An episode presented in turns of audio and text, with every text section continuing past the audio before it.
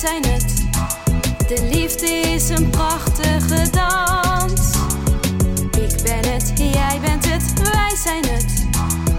YouTube coaching geeft ons meer chance.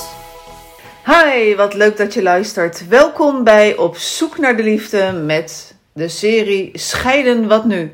Mijn naam is Annette Burgers. Ik ben stiefcoach bij Stiefgoed Rotterdam en relatiecoach en schipbehandelaar bij YouTube Coaching. Deze serie gaat over scheiden. En vandaag is mijn gaste Wendy van Vliet. Zij is accountmanager bij het kenniscentrum Kind en Scheiding. En zij is verlies- en rouwtherapeut. En ook nog auteur van de Scheidingsatlas. Welkom Wendy in Voorschoten. Dankjewel, Annette. Ehm, deze serie heet, eh, of deze podcast heet Op zoek naar de liefde. Heb jij de liefde gevonden in je leven? Ja, die heb ik wel gevonden, ja. Ja. Weet jij nog waar je hem gevonden hebt? ja. Ehm, wij werkten allebei bij hetzelfde winkelbedrijf. Hij was bedrijfsleider en ik was eh, zaterdaghulp. en ehm, hij viel een dag in bij ons in, in het filiaal. En ik dacht, nou, leuke vent. Hij had eh, interesse in mij, in eh, wat ik te vertellen had. En zodoende heb ik uiteindelijk de stoute schoenen aangetrokken en eh, contact met hem opgezocht. En toen Oh. zijn we een avondje gaan stappen en toen, nou, Oké. Maar dat, dat gebeurt niet heel erg vaak dat vrouwen het initiatief nemen. Nee. Wat maakte dat jij die stoute schoenen aandeed? Nou, ik heb niet helemaal direct zelf eh, gebeld. Ik heb aan mijn eh, collega verteld eh, van nou, ik vind die man wel een leuke, leuke man. Maar pff, hoe zit dat en zo? En zij heeft een beetje bemiddeld. En hij had gelijk door, oh, dat is die blonde van de klantenservice. Oh, ik moet een beetje om lachen. Dat had hij, had hij gelijk door. En zodoende durfde ik dat telefoongesprek aan te gaan. Ah, wat dapper. En jullie zijn al heel lang samen, hè? Ja, ja klopt. Eh, volgend jaar zijn we 25 jaar getrouwd. Wauw. Dus eh, ja, 27 jaar nu eh, samen. En als je nou terugkijkt naar zo'n mooie, lange relatie, dan neem ik aan dat het niet alleen maar roze geur en maneschijn is. Ehm zitten er eigenlijk bepaalde fases in jullie relatie? Ik kan me zo voor voor de kinderen, tijdens de kinderen, na de kinderen. Of ja, Ja. niet na de kinderen, maar ik bedoel als ze uit huis zijn. Nu is Eh, ja, voor heb je natuurlijk nog voor de kinderen. Als we daarnaar eh kijken, heb je nog alle tijd om alles te doen waar je zelf eh, zin in hebt. Hoef je niet op de klok te kijken of iets. Maar eigenlijk, we hebben drie kinderen die vrij dicht achter elkaar zitten. Er zit steeds anderhalf jaar tussen. En ehm, ja, dat ging eigenlijk vanzelf. Die gingen gewoon mee en je deed je ding. Ik denk dat er wel wat veranderd is. Mijn man is, ehm, ik denk nu tien jaar geleden, door de crisis zijn baan kwijt eh, geraakt. Ehm, toen werkloos thuis gezeten. Eh, ik ben toen meer gaan werken. Hij is zich uiteindelijk gaan omscholen. Hij is het onderwijs eh, ingegaan. Dat dat wel een fase is die heel pittig is geweest. Achteraf gezien. Mhm. Op dat moment zit je erin en ga je daardoor. Eh, maar als ik kijk naar verschillende fases, is dat wel zo'n fase geweest dat ik achteraf denk zo. Die was pittig, maar die hebben we wel doorstaan met elkaar. En hoe heb je die kunnen doorstaan met elkaar? Ik kan me echt voorstellen dat je daar elkaar verliest. Maar hoe, wat heeft ervoor gezorgd dat jullie eh, in verbinding of, of er goed doorheen zijn gekomen? Ja, ik denk elkaar de ruimte geven en elkaar ook daarin ondersteunen. Waarin natuurlijk een stuk eh, financiën wegviel, eh, maar ook een stuk status hè, als man zijnde. ehm, dat je dat met elkaar hebt. Ja, hebben we gewoon. Het leek wel ehm, een soort yin-yang, of hoe zeg je dat? Dat dat vanzelf ging, dat we dat bij elkaar eh, opvingen. En dat ik, ja, ik stond er niet echt op te wachten in eerste instantie om meer, werk, om meer te gaan werken. Maar dat was nodig om te kunnen blijven doen, of in ieder geval in het huis te kunnen blijven wonen en de kinderen te kunnen geven wat we ze wilden geven. Dus dat, dat gaat gewoon uit liefde dan vanzelf, als ik achteraf eh, terugkijk. Ja. Ja, want je noemt gelijk iets van eh, het, het verlies van een baan. Ja. Eh, dat staat niet bij iedereen hoog op het beseflijstje dat het met rouw te maken heeft. Nee, maar bij ons toen ook niet. Nee, hè? Nee, pas achteraf ga je dat zien. Dat je denkt zo. Dat is, eh, ja, daar komt heel veel bij kijken. Het is een verlies van baan, maar een stukje eigenwaarde, status, ehm, financiën. Er komt zoveel bij zoeken. Wie ben ik nou eigenlijk? Bij hem dan, zeg maar. En, en wat wil ik? Want het is ook een mooi. We hebben het ook gezien als een cadeau. Of hij Uiteindelijk natuurlijk, want hij heeft Achteraf. het moeten doen, achteraf. Maar eigenlijk ook wel op dat moment dat hij dacht... ja, ik heb nu zoveel jaar in die commerciële sector gezeten. Ehm, wil ik dat blijven doen of wil ik iets anders doen? En hij heeft zich omgeschoold tot iets anders. En eigenlijk eh, zei hij waar je eerst... ehm, hoe zeg je dat? Dingen haalde uit meer verkopen, zeg maar. En daarin, eh, daar stond ook een stukje financiën tegenover. Haal je nu uit, eh, veel uit kinderen die eh, gewoon weer een lekker een toets hebben gemaakt. En daar tevreden over zijn. Of kinderen die met veel plezier naar school gaan. Daar haalt hij nu heel veel uit. Dus dat is eigenlijk wel heel mooi om te zien dat je het ook als een kans ja, hebt ervaren. Dat heeft, heeft hij vrij snel wel kunnen doen. Hmm. Welk vak geeft hij? Economie? Nou, hij werkt op speciaal basisonderwijs. Oh, speciaal basisonderwijs. Oh, dat is ook weer een hele... Ja, economie had ook gekund. Ja, Ja. Dus zijn commerciële achtergrond. Nee. Ja, nee, dat, Ja. dat merk je. Ik zit natuurlijk zelf ook in het onderwijs. Dat er heel veel mensen vanuit eh, commercie, de commercie of vanuit eh, iets anders, maar dan bij economie binnenstromen. En het is trouwens ook een waanzinnig leuk vak om te geven. Ja, oh ja. Eh, dus dat had gekund. had gekund. Wendy, hoe, hoe, wat, wat heb jij met scheiden? Ja, wat heb ik met scheiden? Ik ben eh, zelf dus niet eh, gescheiden, maar mijn ouders zijn gescheiden toen ik 21 was. Eh, dus dat heb ik ermee, zeg maar. En nu zie je natuurlijk ook wel in je omgeving dat mensen uit elkaar gaan. Maar dat is. Hmm. En je zegt van, jij was 21, dan heb je dat natuurlijk heel bewust meegekregen. Maar zijn jouw ouders dan het voorbeeld van mensen die bewust wachten om uit elkaar te gaan totdat de kinderen groot genoeg zijn? Nee, dat denk ik niet. Maar ik weet dat niet zo heel goed eigenlijk. eh, wat dat, eh, waarom ze toen pas uit elkaar zijn gegaan. Maar mijn idee hebben ze altijd wel een goed eh, huwelijk gehad. En zijn ze ja, toen elkaar verloren Hmm. daarin.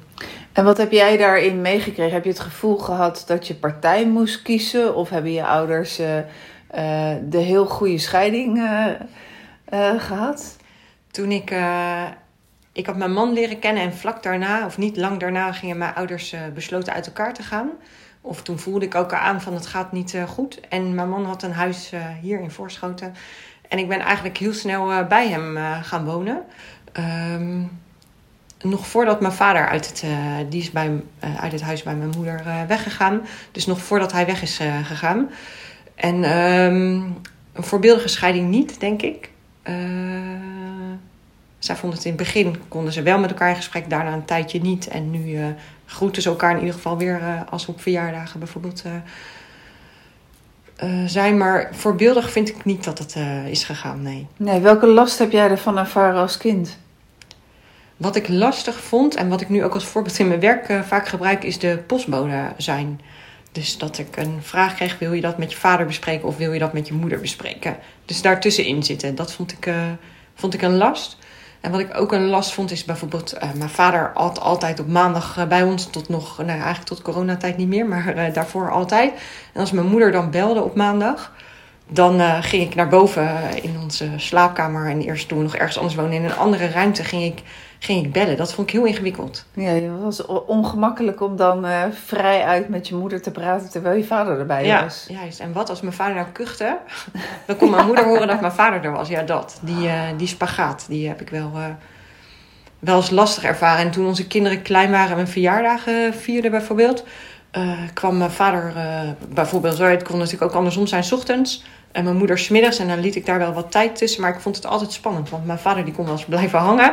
En mijn moeder kon eh, altijd te vroeg eh, komen. Dus ik heb daar, dat vond ik echt lastig. En ik heb dat wel eens met hun besproken. En zij zeiden dat ik het zo niet moest zien. Maar ik voelde het wel. eh, Nou, Ja, dat zo. was gewoon Ja. jouw last zoals jij het ervaarde. ja. En is er dan ook een periode geweest dat zij helemaal niet met elkaar spraken?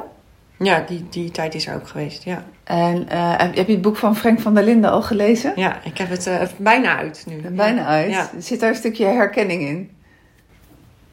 Nou, niet, eh, ja, wel dat ze niet met elkaar eh, eh, praten. Maar ik heb altijd contact gehouden met mijn beide ouders. Dus ik, dat stukje herkenning eh, heb ik niet. Maar we- eh, het, verlangen, waar, waar het bij hem natuurlijk ook een stukje om ging, hè, van Ja. het, het verlangen dat zijn ouders weer met elkaar gingen praten.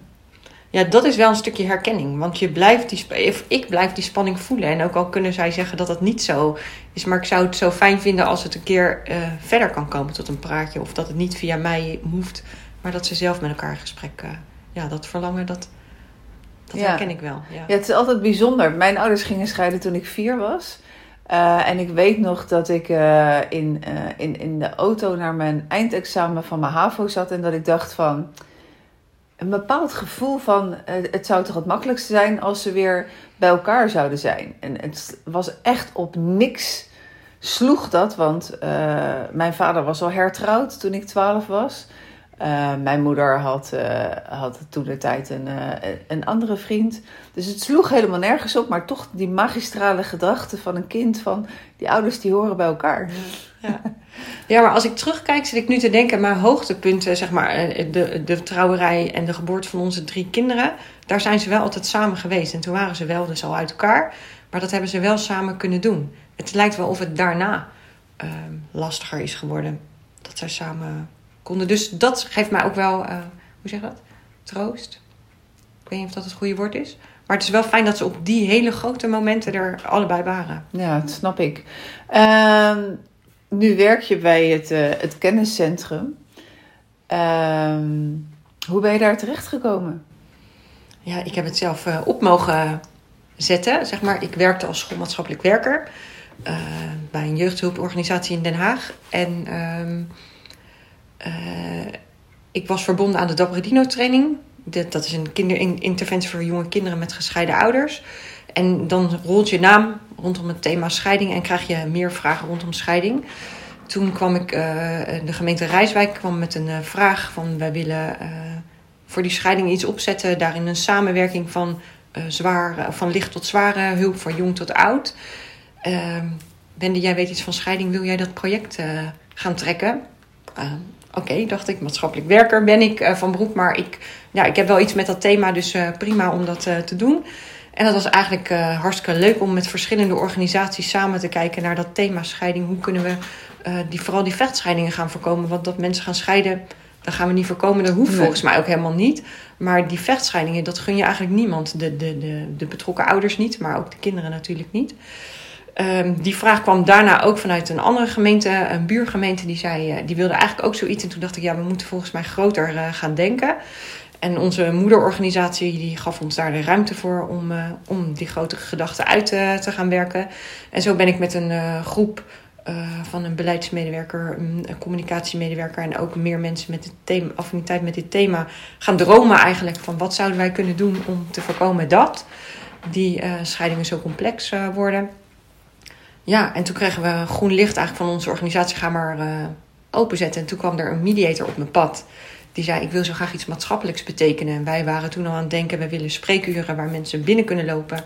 Uh, en gratis advies uh, kunnen krijgen van hoe vertel ik het de kinderen. Tot hoe regel ik een omgangsregeling en een ouderschapsplan.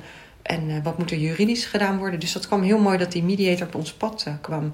En zo zijn we begonnen met spreekuren draaien en telefonisch bereikbaar zijn. Mm -hmm. En uh, je zei net al, hè, jullie zijn uh, nu vier jaar bezig. Dus ja. volgend jaar een groot feest. Ja. welke ontwikkeling heb je gezien en meegemaakt? Zowel aan jullie kant als in de ontwikkeling van scheidingsland. Ja, als we naar onze kant, als ik daar, dan is een hele belangrijke ontwikkeling dat wij eerst zeg maar de spreekuren en de telefoondiensten tussen de bedrijven doordeden. Dus mijn collega's waren ook schoolmaatschappelijk werkers of werkten bij Ouderschap Blijft. En die deden tussendoor de telefoon en, en de spreekuren als er een vraag kwam. En er kwam helemaal niet zoveel vraag uh, in het begin. Um, tot waar we nu staan, dat we elke dag vijf uur, of elke werkdag vijf uur telefonisch en via de mail bereikbaar zijn. En elke dag een spreekuur hebben waar uh, mensen nu online binnen kunnen lopen. Dus dat is onze groei die we, uh, of de ontwikkeling, maar ook de groei die we hebben gezien. Maar ook zie ik wel een groei in steeds meer samenwerking met verschillende partijen. Want het kenniscentrum is, ik zie het als de spin in het web in het scheidingsland. Uh, waar mensen uh, advies uh, kunnen vragen en we heel veel een luisterend oor kunnen bieden. En dat dat voldoende is. Maar ook kunnen verwijzen naar welke hulp er het meest passend is. Um, en, en daarin ook groei dat we meer samenwerken met nog meer mediators en advocaten en, en een stiefcoach, uh, jouw collega ook, uh, en een scheidingscoach en een uh, emotioneel therapeut en een kinderpsycholoog. Dat we die allemaal samenvoegen in die spreekuren, zodat we heel breed een advies kunnen geven aan ouders in een scheidingssituatie of en professionals in een scheidingssituatie. En als ik breder kijk, zeg maar, eromheen is natuurlijk het scheiden zonder schade is in, in februari 2018 deden, hadden zij dat adviesrapport uitgebracht onder leiding van André Rauwvoet. En een van die adviezen was een scheidingsloket. En wij hadden dat scheidingsloket eigenlijk al bijna een jaar.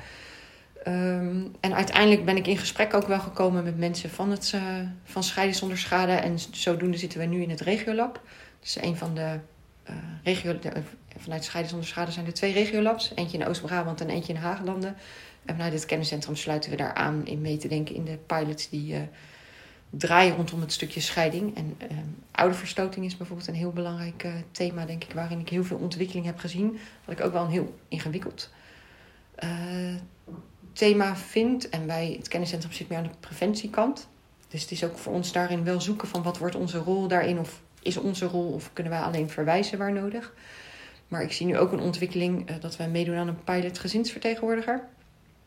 Waarin uh, vanuit het regiolab wordt gezegd... er is een gezinsvertegenwoordiger die gezinnen van A tot Z begeleidt in hun scheiding. Ehm, daarnaast naast eigenlijk de ouders en, het, en, en de kinderen gaat staan... en hun de weg helpt binnen scheidingsland totdat eigenlijk alles afgerond is. En die pilot zijn we net gestart, eind vorig jaar. Dus dat is een ontwikkeling zeg maar, die, nu, die nu loopt. Dus er gebeurt wel heel veel, vind ik, naar aanleiding van dat adviesrapport ook vanuit scheidingsschade. Ja. Uh, zie je iets, heb jij enig idee met wat er gebeurt met de cijfers met, wat onder invloed van corona? Ja, de cijfers vind ik lastig om echt cijfers te noemen. Er wordt gezegd er wordt meer gescheiden. Ik vraag me af of dat nu al zo is. Of dat pas zichtbaar gaat worden als corona voorbij is. Want we zitten nou eenmaal met z'n allen ja, toch in een bepaalde bubbel. Waar we niet zo goed weten waar we uitkomen. Dus ik, ik, ik zie niet gelijk uh, een toename van scheiding. Of wij zien dat niet. Wat we wel zien is dat er veel vragen zijn rondom corona. Uh, zorgen. Um, ik hou me wel aan de maatregelen, maar mijn ex-partner niet kan ik mijn kind wel uh, naar de andere partner laten gaan? Dat soort vragen, die zien we wel uh, veel naar voren komen, zeg maar. Of nu de vaccinatie, of het testen. Nu, eigenlijk nu eerder testen. Um, het kind heeft klachten, of een van de kinderen in de klas heeft klachten. Gaan we het kind tien dagen, ons kind tien dagen thuis houden of gaan we testen? Dat daar verschil in mening over is tussen beide ouders. Tussen exen. Tussen exen. Ja, ja. En wat, wat is in jouw, uh, vanuit jouw gezichtspunt een goede scheiding? Wat is een goede scheiding?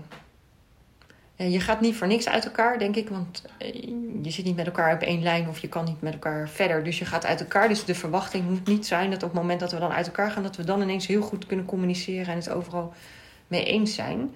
Maar ik denk dat het belangrijk is om uh, elkaar de ruimte te geven om je nieuw, opnieuw verder te ontwikkelen. Niet opnieuw, maar verder te ontwikkelen. Um, ja, vooral elkaar de ruimte geven, ook naar de kinderen toe. Er is geen win-win, of, of, geen winnaar-verliezer, sorry, maar er moet een win-win zijn waarin je samen kunt bouwen. Dus de communicatie, voor zover dat, ik zeg net, uh, als je niet kon communiceren, wordt er niet ineens nu verwacht dat het wel kan. Maar wel dat je. Um, dat probeert in ieder geval op zakelijk gebied wel goed te regelen. En probeer die conflicten uh, die je hebt met je ex-partner buiten de kinderen te houden. Hmm, het, het, uh, het lijkt wel wat lastig dat als je boos bent of heel erg verdrietig bent, dat je de ander de ruimte moet geven. Uh, als we dan gelijk wat inzoomen op het stukje rouw. wat, wat, wat gebeurt er met ja, als je in boosheid afscheid moet nemen. Uh, je wil eigenlijk niet, maar je partner wil, wil, wil wel scheiden, want die zit er niet meer zitten of die heeft inmiddels een ander ontmoet. Uh, ja, waar, waar kom je dan in terecht met betrekking tot rouw? Ja, dat, is, dat zie je veel bij scheidingen, of dat horen wij ook veel, dat een van de partners al heeft besloten. Um, dat die relatie niet meer verder kan. Of dat, ja, dat hij in ieder geval, of hij of zij daarmee wil eh, stoppen. Soms zeg ik hij, maar dat kan net zo goed zij. Uh, dus voor gelezen worden of gehoord worden. Uh, je gaat allemaal een bepaald aantal fases door met rouw. En of dat nou rouw naar overlijden is of rouw naar scheiden, dat is, uh, dat is altijd zo. En wat je dan wel bij scheiden ziet, is dat soms mensen al veel verder zitten in die fases dan bij iemand die net dat bericht heeft gekregen van we gaan uit elkaar. En dat proberen we ook wel beeldend te maken. Eh, Bij Scheidingsatlas doen we dat ook met behulp van de verliescirkel. Om beeldend te maken van hé, hey, wat voor fases zijn er nou eigenlijk allemaal en hoe werkt dat dan bij, bij scheiden? Waarin je bij scheiden soms ziet dat een, een van de partners al eh, bij misschien wel eh, het verkennen of verbinden naar een nieuwe relatie is. Terwijl de ander net in het stukje erkennen is, omdat hij het net heeft gehoord. En de kinderen misschien voor het eerst zoiets meekrijgen en nog in de fase ontmoeten zitten. Ehm, en door dat inzichtelijk te maken, dat proberen we ook bij mensen die ons uh, bellen vanuit het kenniscentrum van hoe, hoe werkt dat, kunnen we ook, uh, hoe zeg ik dat, kunnen zij beter snappen waarom die communicatie zo lastig is. En nu ben ik jouw vraag kwijt, dan zit ik zo na te denken over mijn. Ja, dat, dat stukje rouw, hè? Van de, de, hoe werkt dat als je partner zegt van ik wil weg of het, het is klaar. en je loopt inderdaad achter die feiten aan. want welk hoe, hoe krijg je dat gelijk in feite? Ja, als de langzaamste in feite, eh, die bepaalt het tempo. Als je kijkt naar estafette, naar op de tv, naar atletiekwedstrijden. Uh, en het is zo'n groepsestafette. Ja, de langzaamste die bepaalt ja. wanneer je over die finish komt. Uh, is dat ook zo? Zie je dat ook zo met de, met de scheidingen en, en het proces waar mensen in komen? Ja, en dat proberen we ook wel vaak te zeggen tegen degene die sneller gaat. We moeten gaan, of je, je kan zo snel gaan als de langzaamste gaat. En dat is voor degene die snel gaat natuurlijk ook weer heel ingewikkeld. Ja, heel frustrerend denk en ik. heel frustrerend, ja. Die wil, uh, al, ja, die wil verder en zijn nieuwe leven. En, en, nu zijn we toevallig met een stel in gesprek die diegene zegt... ik zit ook in spagaat, want ik zie het verdriet van mijn ex. Dat is wel een heel mooi uh, hoe deze man dat uh, kan vertellen. Maar ik sta eigenlijk ook al met mijn been in de in mijn toekomst. Ik wil vooruit. Ja, ik denk dat het voor mensen belangrijk is om zelf te kijken van welke hulp uh, in mijn netwerk kan ik zelf inzetten om daar in ieder geval te ventileren en te vertellen hoe je je, hoe je, je voelt. En niet, ja, ik vind het een moeilijke, een moeilijke vraag, omdat er niet één antwoord op is. Maar ik denk heel veel psycho-educatie geven, uitleg geven en, en mensen in hun kracht zetten om te kijken van hoe ga ik het zelf voor mezelf weer inrichten. En het stukje ja, loslaten vind ik altijd een beetje een raar uh, type, maar, uh, of uh, raar woord. Maar het verweven van die relatie die dus niet meer loopt in jouw leven, dat is, dat is wat je moet gaan doen. Mm-hmm. Maar hoe, dat is een hele zware taak. En rouw is heel hard werken. Ja, waar ze niet aan willen. En, en dan is ja. boosheid ook makkelijker dan die rouw nemen. Ja, want als je boos bent, dan ben je vaak boos op de ander. En als je de rouw moet nemen, naar het verlies moet kijken, dan ga je naar jezelf kijken. Wat is mijn stukje geweest, bijvoorbeeld waarom deze relatie uiteindelijk zo is verlopen? En dat is best ingewikkeld. Naar een ander is veel makkelijker. Uh, die boosheid is natuurlijk heel external, ja, externaliserend naar buiten gericht. En als je moet kijken naar het rouw of naar de verlieskant, dan moet je naar jezelf gaan kijken ook. Ja. En dat is best ingewikkeld. Ja, en, um, en um op welke wijze uh, kan het boek, de Scheidingsatlas, uh, is, is daarbij helpend en ondersteunend? Uh, bij het stukje verlies. Ja, bij het stukje rouw. Ja, bij het stukje rouw. mensen zijn zich niet altijd bewust dat een scheiding een verlies is. Waar we het net eigenlijk in het begin ook over hadden, dat mensen dat met ik zat te denken met het verlies van het werk van mijn man dan, zeg maar toen. Dat was ook een stukje rouw. Maar mensen kijken niet naar een scheiding vanuit uh, verlies, heb ik het idee. Zij kijken meer vanuit het conflict. Um... en dan ben ik weer je vraag kwijt, wat erger zit. Hoe het boek Scheidingsatlas daaraan helpt. Ja, door het stukje psycho-educatie te, te geven. Dus uit te leggen dat een, een, een, scheiding ook een verliessituatie is. En hoe werkt dat dan met verlies? Dat we daar bepaalde fases in hebben. En dat wil niet zeggen dat je die fases stap voor stap moet doorlopen. Die gaan kriskras uh, door elkaar. Maar door dat stukje uitleg te geven, eigenlijk een stuk psycho-educatie over dat een scheiding ook een vorm van verlies is, kan dat helpend zijn. Ja, want op de een of andere manier uh, beseffen mensen niet uh, van de, ja, die scheiding betekent uh, niet de toekomst waar we het al jaren over gehad hebben. Hè, dat dat een stuk verlies is. Um, en het is natuurlijk ook een verlies in dat je partner uiteindelijk niet zo is zoals je denkt dat hij is. Mm-hmm. Of zij is, hè, in, uh, in, in dat geval. Um, en los van de psycho-educatie die in dat boek staat. Um, Welke grootste tip staat daarin voor mensen? Rondom het stukje verlies? Ja? De grootste tip.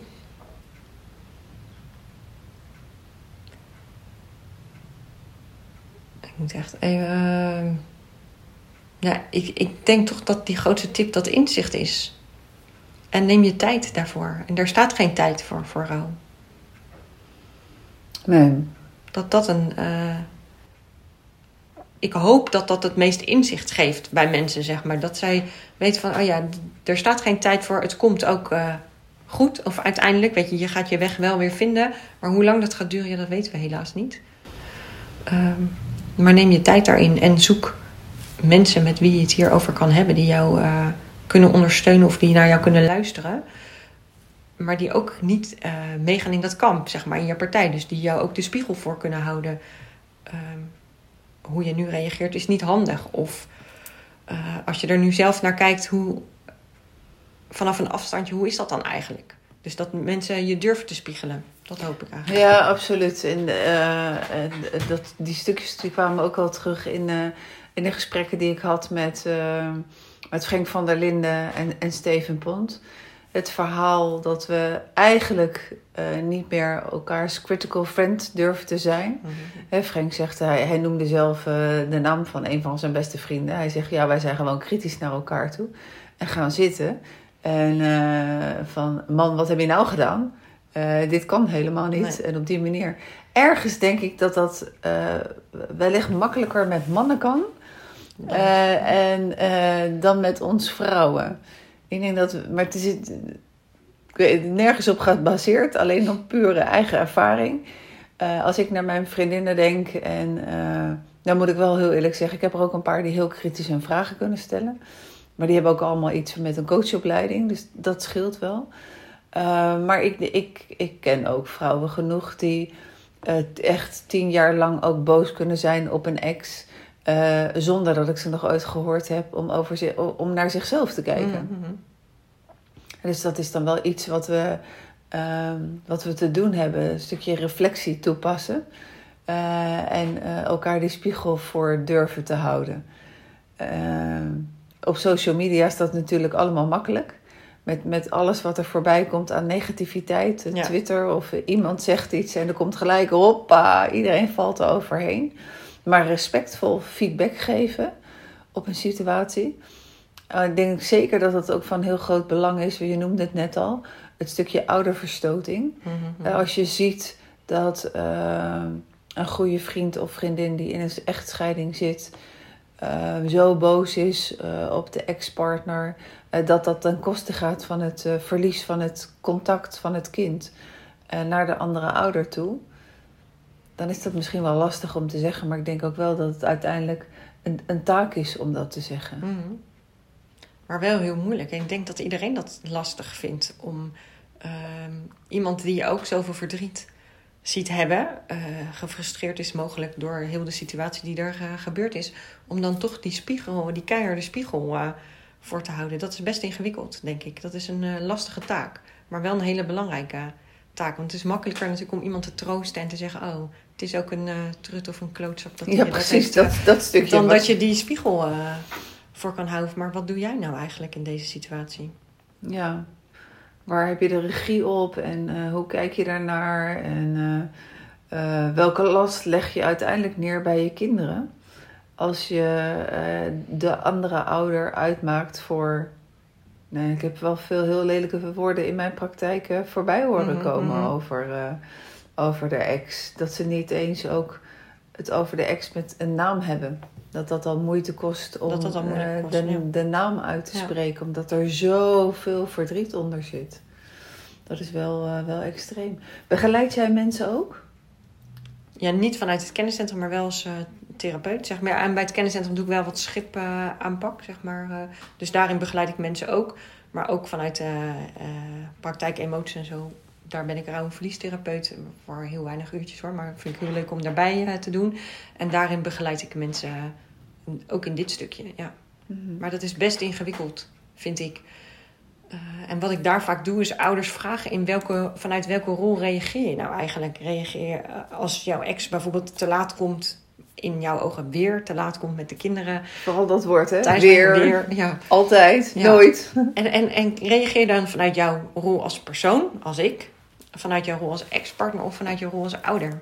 Probeer daar eens goed naar te kijken. En, en wat is jouw stukje? Aan welke kant? Want die rol als ouder, die heb je nog gezamenlijk. Maar je bent ex-partner en je bent ook je eigen ik-individu los van de, van de ander. Dus probeer daar goed naar te kijken.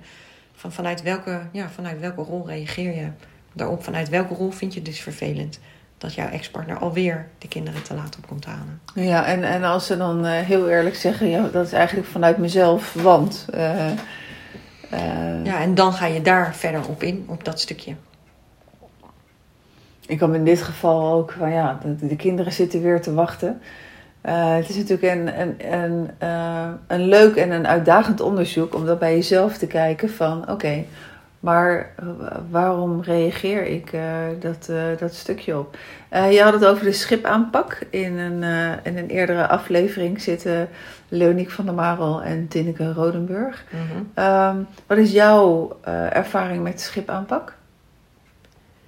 Ja, wat ik daar heel mooi aan vind, is dat je teruggaat naar de mom- het moment dat, we ooit, dat mensen ooit verliefd op elkaar zijn geworden. En dan, doordat je daar naartoe teruggaat, verzacht dat in eerste instantie. Je ziet vaak weer twinkeling in eh, mensen hun ogen, terwijl ze eigenlijk elkaar niet eens aan kunnen kijken. Maar dat zie je dan eh, wel. En dan ga je daarna de conflictverheldering in, conflict- en verliesverheldering in. Dat vind ik echt een hele pittige fase. Maar wel dat ik denk, ja, daar moet je doorheen. En als je daar dan doorheen bent, dan kun je een volgend stapje eh, maken door het, het integreren van het verlies eigenlijk wat je allebei hebt gehad. eh, naar richting jullie relatie, maar ook richting het gezin wat er gezamenlijk eh, was. Dus ik vind het wel een hele mooie, waardevolle interventie eh, om zo terug te gaan en het zo eh, op te bouwen. Hij is wel heel intensief. En zeker dat conflict en verliesverheldering, dat conflictverheldering, om dat zo allemaal op tafel te krijgen, dat je soms hoor je ook dingen van ex-partners die best pittig zijn, zeg maar, maar wel, wat wel helpend. en dan hoor je soms een van de ouders zeggen: Ja, is dit, dit is niet, of een van de partners, moet ik zeggen, ex-partners, is dit nu constructief? Dat is, eh, ik wil vooruit en we gaan alleen maar hier. eh, eh, blijven zitten. En dat vind ik dan wel een kracht van, van de schiphandelaren. Dat je probeert mensen daarin mee te nemen. Dat ze niet op elk slakje zout gaan leggen. Maar dat je probeert vanuit die helikopter te kijken van wat zit er nou eigenlijk onder. Kan je een voorbeeld geven van wat er dan naar boven komt aan, aan, aan conflicten?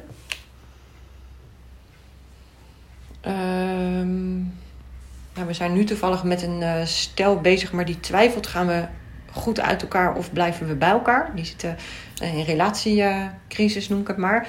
En in dat gezin is bij eh, een van de partners een kind uit een eerdere relatie.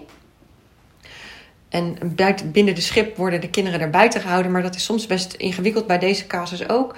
Ehm, en daarin komt wel heel vaak, of een vraag die, die eh, een van deze partners nu heeft gesteld. Ehm, als mijn zoon er is uit een eerdere relatie, vind je ons dan nog wel het gezin? Of niet? Of heb jij liever dat hij er niet bij is? Dat soort eh, vragen die gesteld worden, vind ik heel ingewikkeld. Want dan gaat er ook een kind van eh 10, 11 jaar is daarbij eh, bij betrokken. En waarin de andere partner wel duidelijk kan zeggen: ja, ons gezin is dat met z'n vieren. Zonder, En zonder dat extra kind, eh, of extra, dat andere kind van, van, ja, zonder zijn kind erbij. En dat, eh, dat vind ik wel ingewikkeld. Ik vind het mooi dat het daar besproken kan worden en dat er ruimte is dat ze elkaar de vraag over kunnen stellen. Want anders is dat zo'n roze olifant eh, die steeds groter die wordt. steeds groter wordt. Dus het is, maar het zal je maar gezegd worden, zeg maar, als partner. ehm, dat jouw kind er eigenlijk niet bij hoort mag horen. En aan de andere kant, de andere partner ook, die ook ineens met een kind eh, extra geconfronteerd wordt. Terwijl je misschien een ander beeld eh, voorheen had. Ja, zeker dat, dat beeld is ingewikkeld. Hè, van, eh, Ja, het, het, het kerngezin en het samengestelde Ja. gezin. En dat mensen zich inderdaad zelfs soms niet eens meer in hun eigen huis voelen. en thuis voelen op het moment dat de kinderen van Ja. de partner er zijn. En ehm, ja, dat, is een heel spannend stukje. En daar is ook weinig over bekend bij mensen eigenlijk. Ze Mhm. denken van. En gelukkig steeds meer. Gelukkig komen er wel steeds meer mensen aan de voorkant van we willen gaan samenwonen. Hoe kunnen we dat op de beste manier Ja, dat doen? is heel mooi dat dat steeds meer komt. Ja, Want het is een eh, werk. het, is, het is hard werken. heel hard werken, Het is, eh, ik noem dan altijd maar van het is eh, de topsport van de relaties. Om dat goed te laten zijn. En in die zin, ehm, ja, ik heb dan een paar keer gezegd ook in gesprekken. eh, het is niet wetenschappelijk bewezen, maar als je slecht gaat scheiden en eh, slecht eh, dat de kinderen daar ook iets van meekrijgen, dan is het per definitie een bommetje onder je nieuw samengestelde gezin, onder je Mhm, mhm. volgende relatie. Mhm. Ergens op korte termijn of op lange termijn komt er een moment waarop het, waarop het naar boven komt en, Ja. die, en die bom on, ja, die barst, Die barst, ja. die ontploft en dan, dan gebeurt er wat. Dus dat is eh, één voorbeeld wat, eh, wa- wat je aandraagt. Heb je nog een voorbeeld van iets van conflict waarvan je zegt van ja, dan, eh, ik, kan, ik kan me namelijk voorstellen dat er op dat moment dan toch ook wel veel gesproken wordt over ontrouw. Als dat. Ja, die kwam gelijk in mijn, in mijn hoofd. Deze mensen gaan toevallig afronden binnen nu en denk twee weken. Maar eh, daar was eh, de man in dit geval had een aantal, was eh, ge- gedurende het huwelijk een aantal keer vreemd gegaan. Langdurig. En uiteindelijk gaan ze nu uit, elkaar omdat hij een relatie kreeg met een vriendin. Een gezamenlijk bevriend stel, zeg maar. Daar heeft hij een relatie met die vrouw gekregen en wil daarmee verder. Ehm, ja, dus hoe, ik weet niet hoe uit mijn hoofd meer, maar volgens mij zijn ze een jaar of 15 bij elkaar, 17 jaar bij elkaar geweest, waarvan hij aardig wat jaar eh, eh, vreemd ging. ja, en dan komt natuurlijk ongelooflijk veel pijn naar boven. Ja. ja, waarin zij ook heeft aangegeven, wist ik het toen maar al, want dan had ik zelf een keuze kunnen maken. En jij hebt me nu meegenomen in heel dit, eh, ja, in, in, in al die jaren, waarin ik nu ook weer naar mezelf moet zoeken. Eh, dus ja, dat, is de, nou ja, dat waren pittige gesprekken met veel emoties. Eh, maar waar in dit geval deze man ook wel het boetekleed heeft aan kunnen trekken en kunnen zeggen: het was niet handig. En kunnen erkennen, eigenlijk die erkenning kunnen geven die zij eh, zo nodig heeft Mhm. om de stap verder te kunnen maken. En ehm, eh, daar gaat het in feite, denk ik zelf, altijd wel om, om die erkenning. Ja. Wat er ook speelt, wat, wat een reden ook is eh, als mensen elkaar verliezen. eh een van de twee heeft dan blijkbaar niet het gevoel eh, dat hij of zij erkend wordt in Mm. wie hij is of eh, wat hij ervoor doet. Of eh, onlangs ehm, hoorde ik ook dat, ehm, ook toevallig wel een samengesteld gezin. Eh, hij was al eerder getrouwd geweest, twee kinderen. Ehm, woont in het Westland.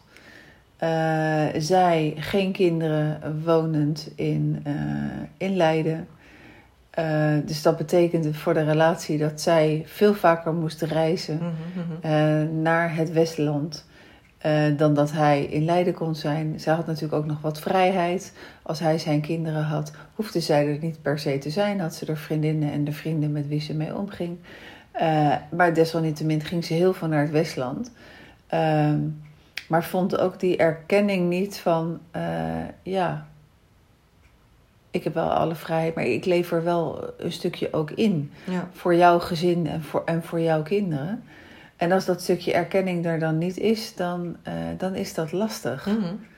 Dus eh, ehm, in mijn opleiding van mediator, die ik tig jaar geleden gedaan heb, werd toen al gezegd: ehm, het gebrek aan erkenning is eigenlijk altijd de reden voor, eh, voor een echtscheiding en voor een conflict. En om daarin die erkenning alsnog te krijgen. En je zegt al van als je in een huwelijk, in een relatie niet goed met elkaar kunt communiceren, dan gaat dat niet ineens veranderen. Nee, nee. Als je uit elkaar Nee. gaat. Ergens hebben we allemaal die illusie wel. Ja, bizar eigenlijk, hè? Ja. ja.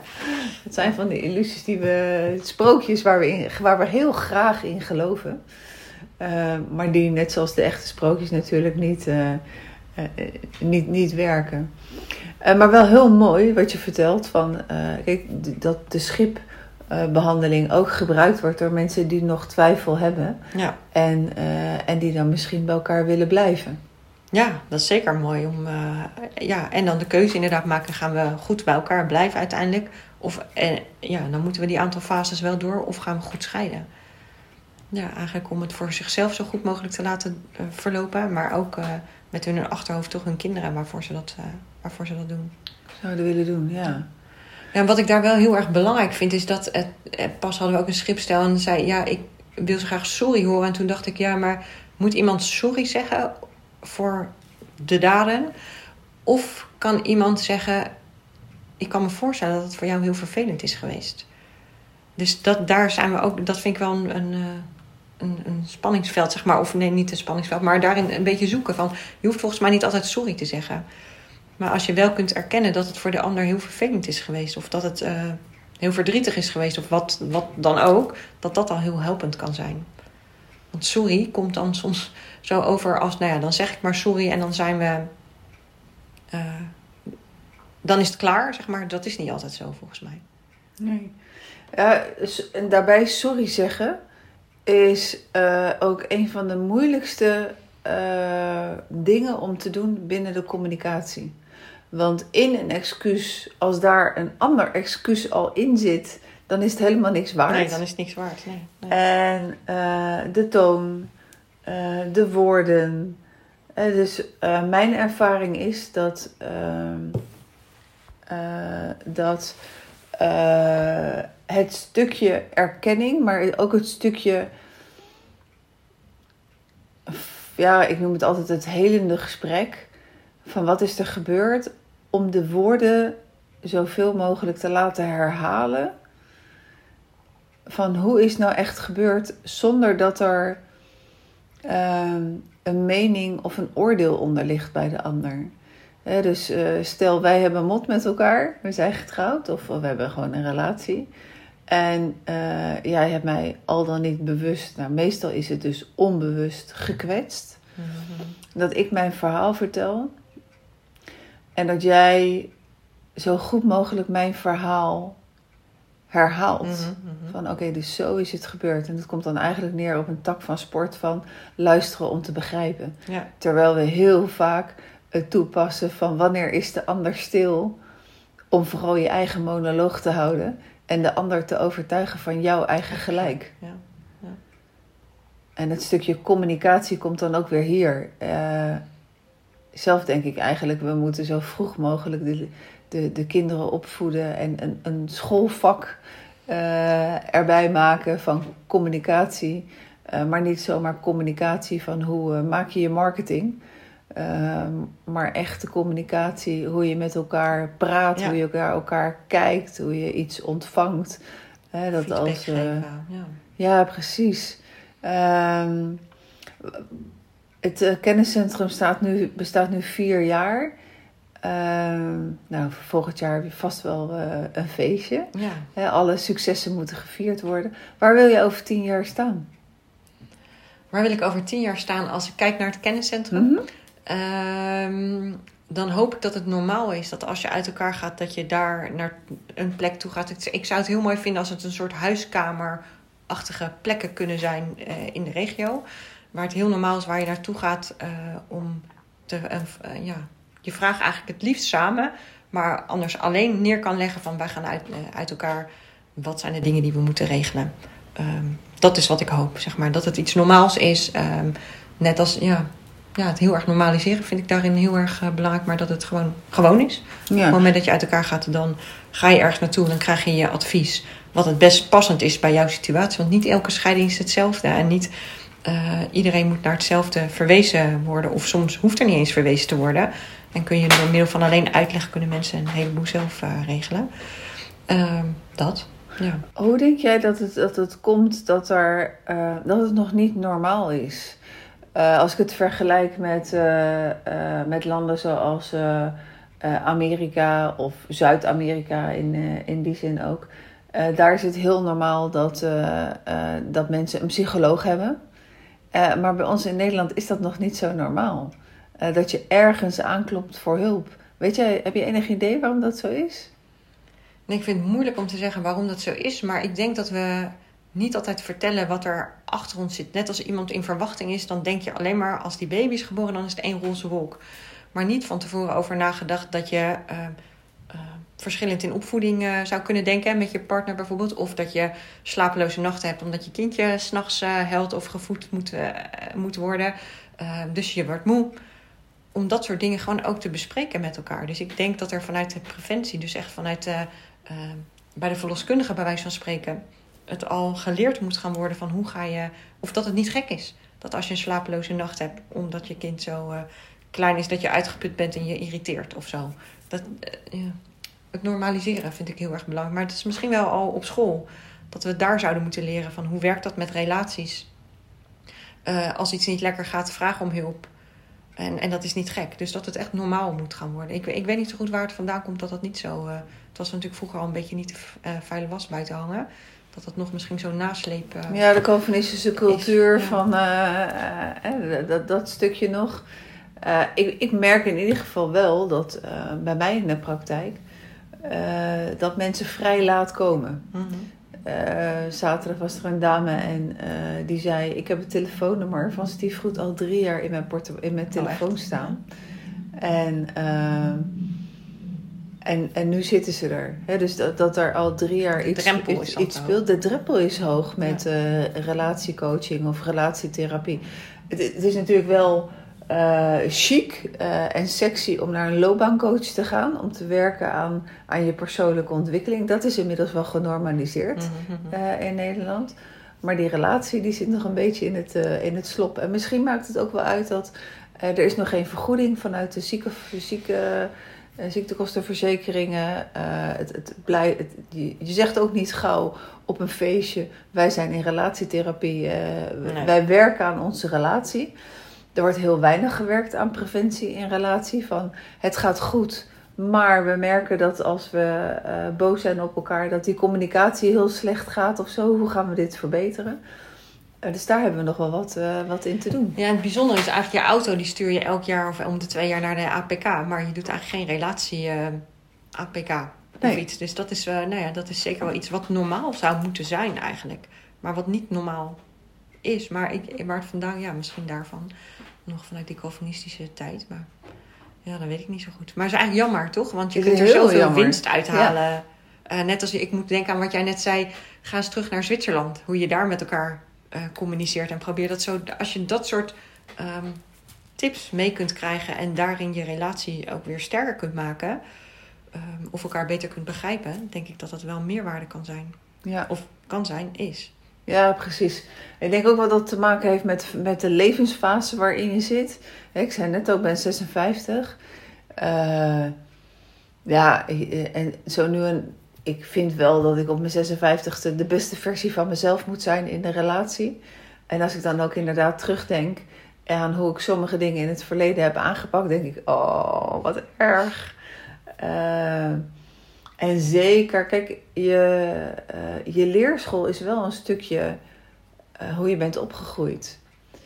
dus ik was vier toen mijn ouders uit elkaar gingen. Mm -hmm. Ik heb helemaal niet goed meegekregen uh, hoe, het, uh, hoe het goede voorbeeld hierin gegeven kan worden. Nee, ja. En hoe mannen, hoe vader en moeder dan met elkaar omgaan eh, gaan in een langdurige relatie. Uh, dus daar heb ik wel iets in te leren gehad. En nu ben ik 56. Nu heb ik echt zoiets van: oké, okay, in hoeverre ben ik nu de allerbeste versie van mezelf? Uh, nou, ik score wel uh, heel hoog. Ook mede dankzij aan al, al, alle, al, alle opleidingen. En ook mede dank aan alle ex-partners die ik gehad heb, die me allemaal wel iets meegegeven hebben. Uh, maar het is natuurlijk ook een leerproces. En er, er is geen leerschool.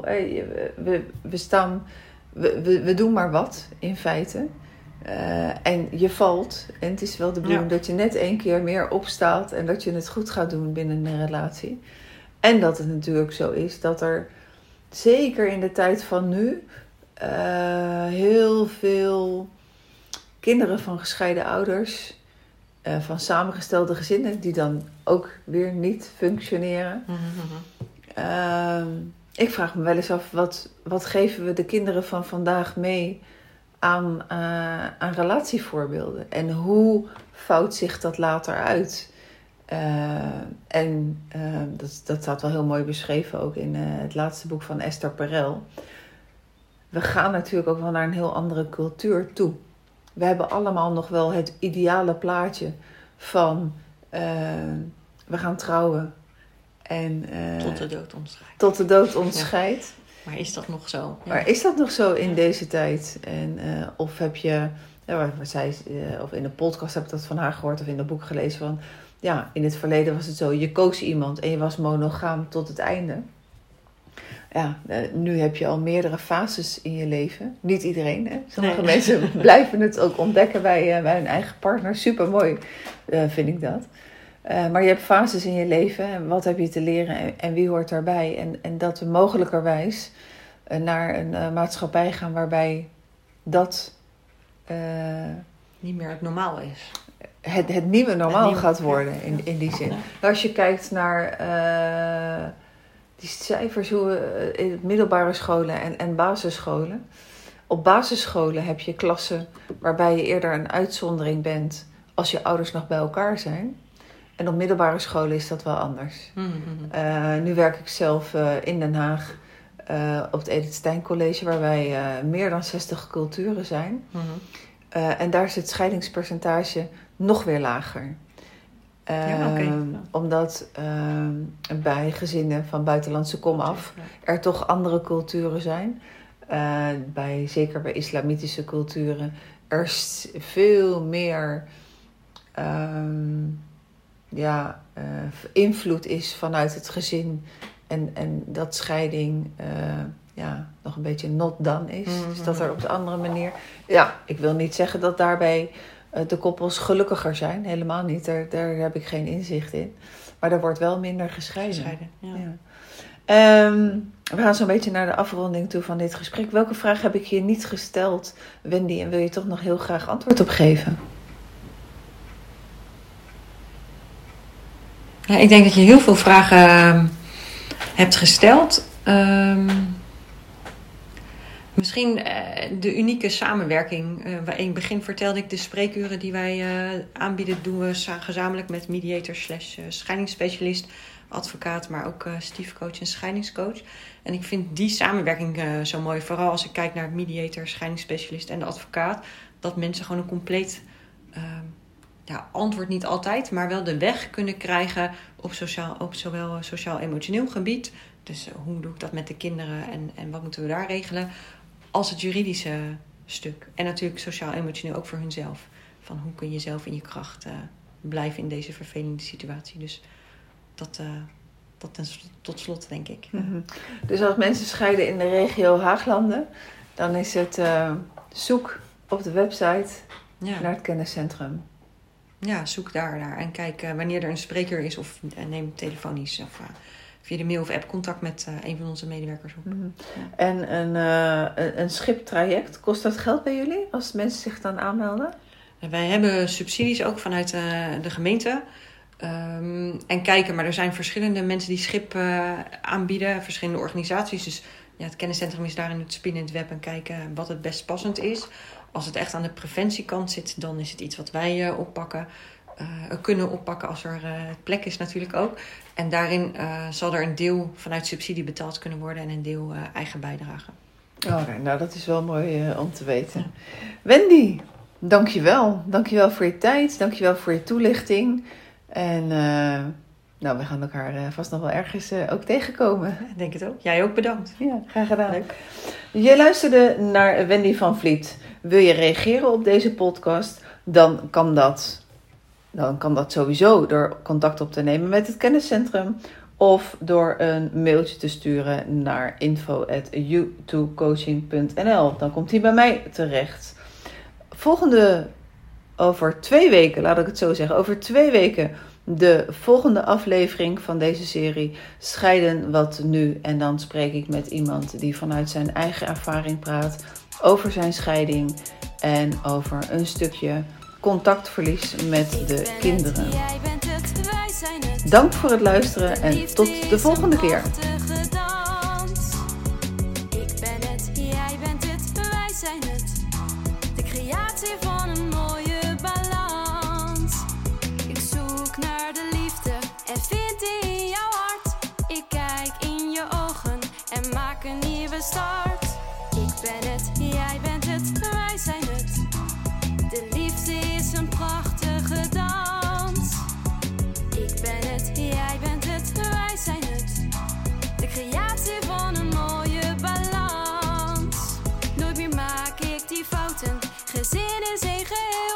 zijn onze systemen. Harmonie valt ons ten deel. Ik ben het, jij bent het, wij zijn het. De liefde is een prachtige dans. Ik ben het, jij bent het, wij zijn het. YouTube coaching geeft ons meer chance.